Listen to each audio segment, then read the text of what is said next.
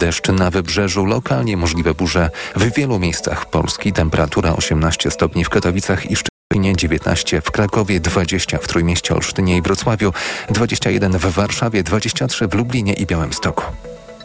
Dzień dobry, Krzysztof Woźniak przed mikrofonem. Zapraszam na kolejnych skołowanych, w których kolejna część cyklu z podsumowaniem ośmiu lat rządów Zjednoczonej Prawicy w temacie szeroko rozumianego transportu, a dziś na tapet weźmiemy przewozy autobusowe. Państwa i moim gościem jest doktor habilitowany Michał Wolański, ekspert od spraw transportu, między innymi e, Szkoła Główna Handlowa. Dzień dobry.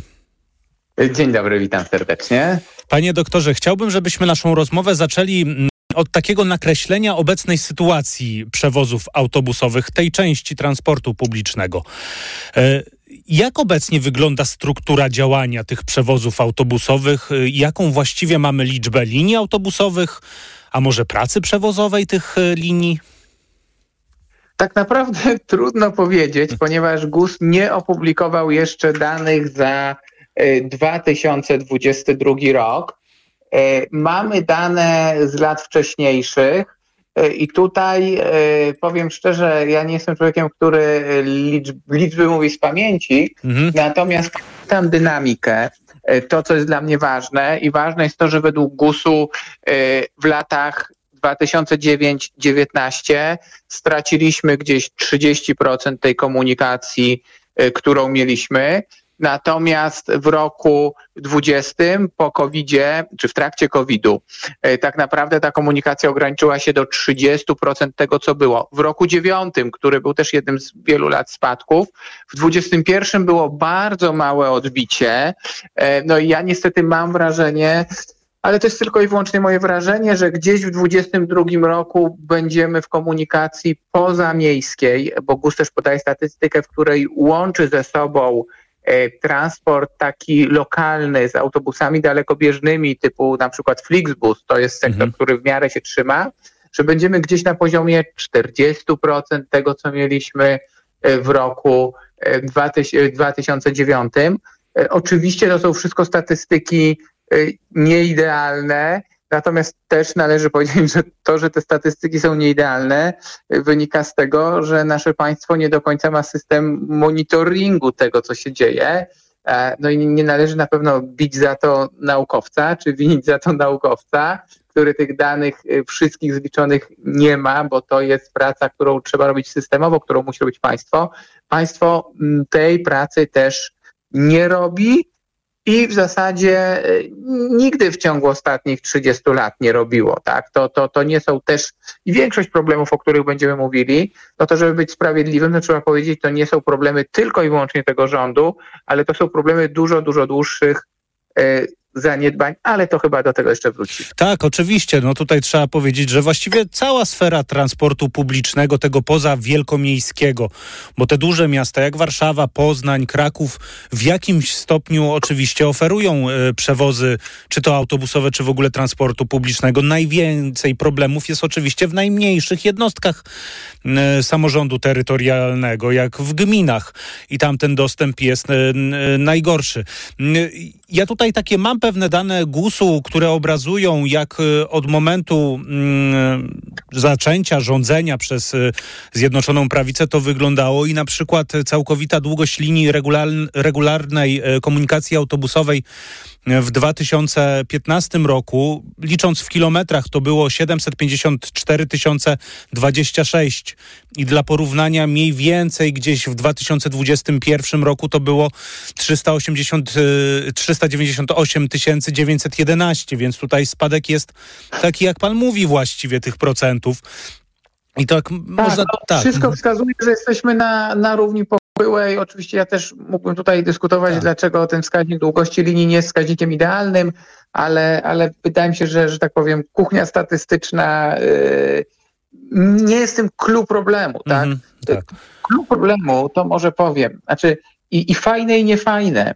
To, co się zmieniło, to jest rzeczywiście to, że ten rząd docenił, że transport poza miastami trzeba współfinansować. Trzeba współfinansować nie tylko w taki sposób, że nie wiem, dofinansowujemy autobusy z funduszy unijnych, nie tylko w taki sposób, jak był wcześniej, czyli tak zwane dopłaty do ulg ustawowych, polegające na tym, że jeżeli sprzeda się bilet e, głównie połówkowy uczniowski, to druga połówka ceny jest dopłacana z budżetu państwa, ale wprowadzono jeszcze drugie narzędzie finansowe, e, dodatkowe 800 milionów e, złotych rocznie, czyli tak naprawdę podwojono finansowanie budżetowe, zwiększono jest jakieś 700 milionów do miliarda 500 i to jest ogromny sukces że ktoś to docenił, że ktoś stwierdził, że nie można ratować transportu publicznego e, bez pieniędzy. Natomiast porażką jest to, że chociaż dorzucono pieniędzy, to nie uzyskano e, efektu. E, no i to oczywiście jest, jest, jest, no jest smutne, jest, jest trochę przerażające, mm. że można, można dwukrotnie zwiększyć finansowanie, a i tak nie, nie osiągnąć jakichś celów tego, że tego sukcesu nie ma, co do tego w zasadzie wszyscy eksperci, cała branża są zgodni. My tu możemy dyskutować, y, y, jaki jest, tak powiem, kąt nachylenia tej równi pochyłej, ale to, że jesteśmy na równi pochyłej, niestety jest, y, jest faktem, który no, tak naprawdę to no, przez mało kogo jest negowany. No tak, właśnie, tak chronologicznie rzecz biorąc, to oczywiście ta pierwsza kadencja od 2015 roku do 2019, no to ona była zapaścią, znaczy nie podejmowano żadnych większych, y, czy w ogóle jakichkolwiek działań, które miałyby na celu ratowanie kurczącego się tego, tych przewozów autobusowych, e, głównie znaczy, pozamiejskich. Tak, nie, mhm. nie, Fundusz Rozwoju Przewozów Autobusowych, z tego co pamiętam, był wprowadzony w 2019 roku, Ta, czyli te prace chyba się jeszcze tak. zaczęły w 2018. Tak, więc... a realnie zaczęło obowiązywać e, w 2020, no bo te pieniądze na rok 2020 zostały przeznaczone z tego funduszu. No ale fakt jest taki, że jakby no te działania dopiero zaczęły y, być widzialne już w drugiej kadencji. Do tego dążę. Tak. Znaczy, mhm. na czym polega klub problemu? Czy, czy one zaczęły być widzialne, czy nie, to też można dyskutować. Niestety bardzo dużo pieniędzy z Funduszu Rozwoju Przewozów Autobusowych trafiło do gmin. Mhm. I dlaczego mówię, że, że, że niestety do gmin?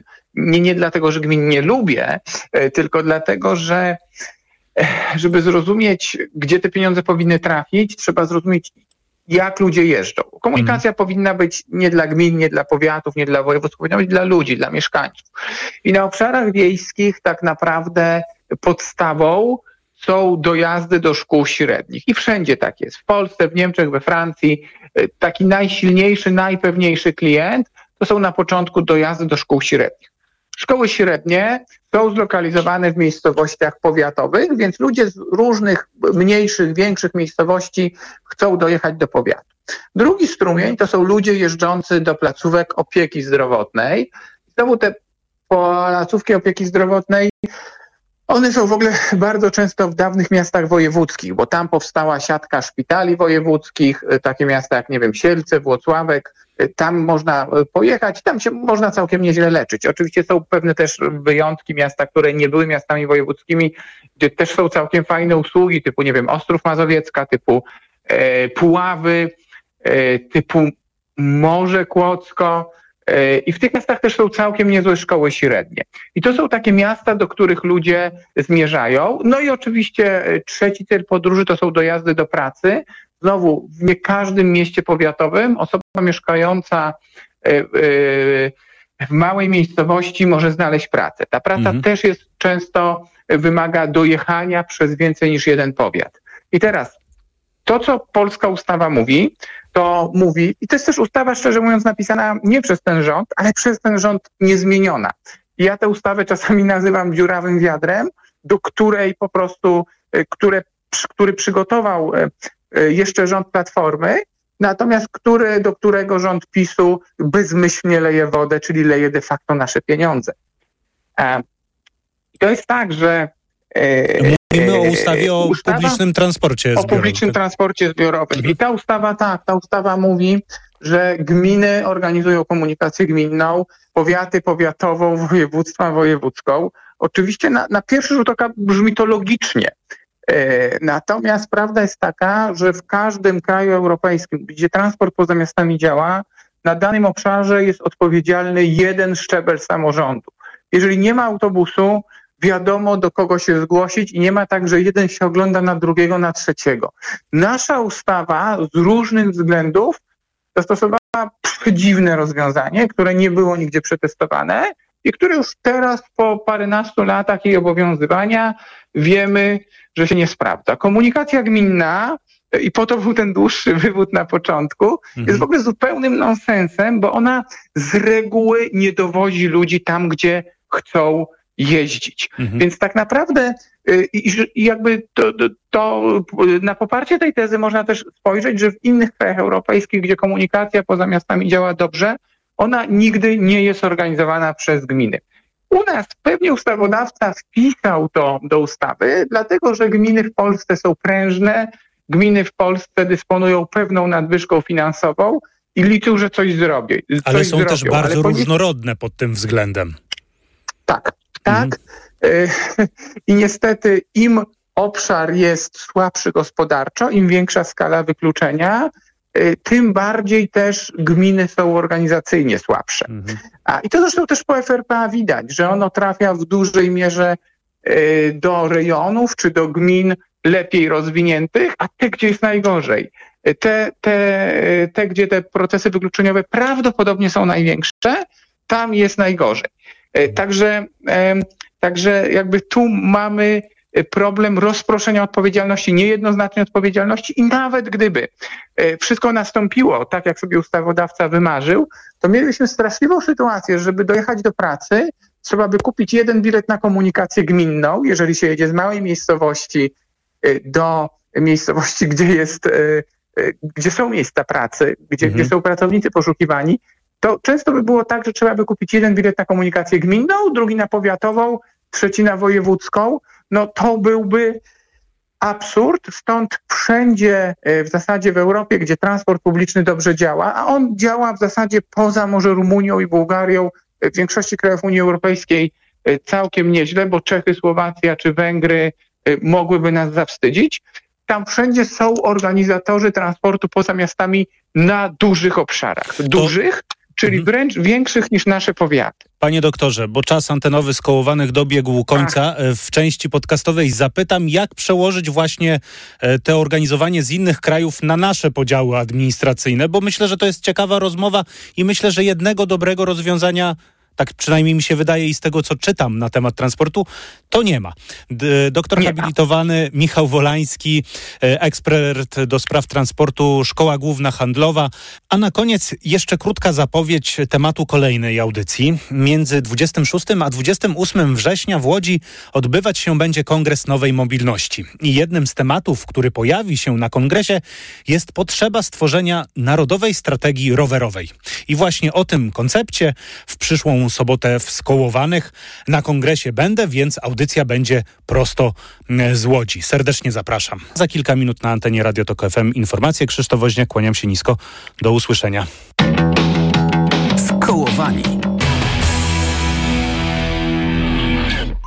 Autopromocja. Tok FM i Polityka Insight przedstawiają podcast Dzień po wyborach. Co może się wydarzyć 16 października? Jak może się rozłożyć układ sił w zależności od tego, kto wygra? Jakie scenariusze są możliwe? Dzień po wyborach. Zapraszają Maciej Głogowski oraz analitycy Polityki Insight. Pełną wersję tego podcastu znajdziesz tylko w Tok FM Premium. Posłuchaj na tokefm.pl oraz w aplikacji mobilnej Tok FM. Autopromocja. Reklama. RTV Euro AGD. Tylko do poniedziałku. Mega rabaty. Wybrane produkty w obniżonych cenach. Na przykład kulec Samsung 55 cali 4K. Najniższa cena z ostatnich 30 dni przed obniżką to 3199. Teraz za 2999 zł. Dodatkowo do marca nie płacisz. Do 30 lat 0%. RRSO 0%. Szczegóły i regulamin w sklepach euro i na euro.com.pl. Nas, uczestników ruchu drogowego, łączy jedno. Troska o bezpieczeństwo. Liczba wypadków systematycznie spada, a od 1 lipca dla samochodów osobowych i motocykli wszystkie odcinki państwowych autostrad są bezpłatne. Podróżujmy bezpiecznie. Szerokiej drogi. Bez opłat. Poznaj mega sposoby na oszczędności w Rosmanie. Teraz m.in. 4 saszetki Whiskas tylko 6,49. Najniższa cena z 30 dni przed obniżką 9,99. Mega Ci się opłaca. W Rosmanie. Panie Pascalu, ma pan jakiś przepis na tanią kuchnię? To bardzo proste. Idziesz do Media Expert, Aha. kupujesz sprzęty do kuchni z promocją multirabaty Aha. i piąty produkt masz 99% taniej. No i merci bardzo. Multirabaty w Media Expert. Im więcej produktów promocyjnych kupujesz, tym taniej. Drugi produkt 30% taniej lub trzeci 55% lub czwarty 80% lub piąty produkt 99% taniej. Więcej w sklepach Media Expert i na mediaexpert.pl. Proszę, pana nowe okulary. Dziękuję, ale i tak będę brać Maxiluten, który pani mi poleciła. I bardzo dobrze. Maxiluten zawiera wysoką dawką luteiny i składniki wspierające wzrok, cynk i wyciąg z róży stulistnej. Chociaż w pana wieku jeszcze lepszy będzie suplement diety Maxiluten Cardio. O, wspiera prawidłowe widzenie i dodatkowo dzięki wyciągowi z głogu wspomaga układ krążenia. Z całego serca polecam panu Maxiluten Cardio. Aflofarm.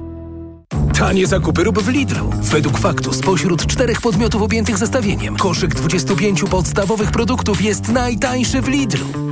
Źródło fakt. Wydanie internetowe z 12 września 2023 roku. Szczegóły na www.lidl.pl Marek, tylko sałatka? Jesteś na diecie? Nie, ale po wakacjach to moja wątroba potrzebuje odpocząć. Czujesz spadek formy? Weź Essentiale Forte i dbaj o wątrobę każdego dnia. Lek Essentiale Forte działa dla szybszej regeneracji wątroby. Essentiale Forte. Regeneruj wątrobę i odzyskaj energię. Essentiale Forte kapsułki 300 mg fosfolipidów z nasion sojowych. Wskazania. Roślinny produkt leczniczy stosowany w chorobach wątroby. Zmniejsza dolegliwości jak brak apetytu, uczucie ucisku w prawym nadbrzuszu spowodowane uszkodzeniem wątroby w wyniku nieprawidłowej diety, działania substancji toksycznych lub zapalenia wątroby. Opella Healthcare Poland, grupa Sanofi. To jest lek. Dla bezpieczeństwa stosuj go zgodnie z ulotką dołączoną do opakowania i tylko wtedy, gdy jest to konieczne. W przypadku wątpliwości skonsultuj się z lekarzem lub farmaceutą. Jeśli kupić chcesz mieszkanie lub wynająć ładne, tanie, to nie będzie to zagadka, że najszybciej jest nagradka. Nagradka.pl znajdziesz mieszkania, domy i działki. Codziennie nowe ogłoszenia z całej Polski. Szukaj nagradka.pl. Reklama. Radio TOK FM. Pierwsze radio informacyjne.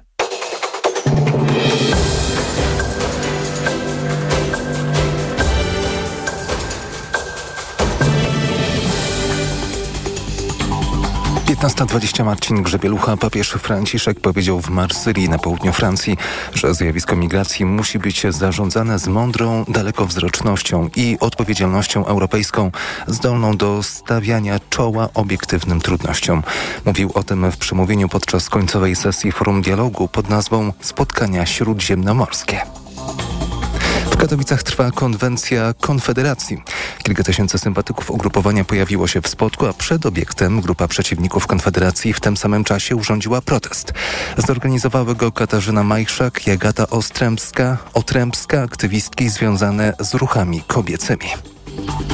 Do silnej eksplozji doszło w Sewastopolu na okupowanym przez Rosję Krymie. W mieście rozległy się syreny alarmowe ostrzegające przed atakiem powietrznym, podał niezależny portal związany z Radiem Swoboda. Więcej informacji w pełnym wydaniu o 16. Radio TOK FM. Pierwsze radio informacyjne. Twój problem, moja sprawa. Anna Gmiterek-Zabłocka, dzień dobry. Witam wszystkich w programie Twój problem, moja sprawa. Zielona granica to jest film, który właśnie wszedł do kin, nowy film Agnieszki Holland, opowiadający o tym, co dzieje się na polsko-białoruskiej granicy na Podlasiu. Dzieje się od wielu już miesięcy, a tak naprawdę ponad dwa lata. I właśnie o tym teraz u mnie, w rozmowie z osobą, która na co dzień od tego długiego już czasu mierzy się z tym, co na tej granicy się dzieje. Z lekarzem, który pomaga migrantom i migrantkom. Zapraszam na tę rozmowę. Twój problem, moja sprawa. Tomasz Musiuk, e, zastępca dyrektora do spraw lecznictwa samodzielny publiczny Zakład Opieki Zdrowotnej w Hejnówce. Szpital, do którego trafiają migranci, migrantki z polsko-białoruskiej granicy. Ile tych osób przez ten okres tego kryzysu humanitarnego, który się tam dzieje, y, do Was trafiło? W jakim stanie i jakie to są pobyty? Kryzys migracyjny i nasze doświadczenia związane z hospitalizacją pacjentów, e, migrantów, cudzoziemców e, no, trwa już tak naprawdę dwa lata. To było w sierpniu, kiedy zaczęliśmy przyjmować pierwszych pacjentów i na początku to było kilka osób miesięcznie, ale październik i listopad, czyli jesień, sprowadziła do naszego szpitala mm, ponad 200 osób w tych dwóch miesiącach. I tak naprawdę y, ostatnie kilka tygodni to jest y, znaczące zmniejszenie liczby tych pacjentów, ale do tej pory, y, ostatnio liczyliśmy, to było chyba prawie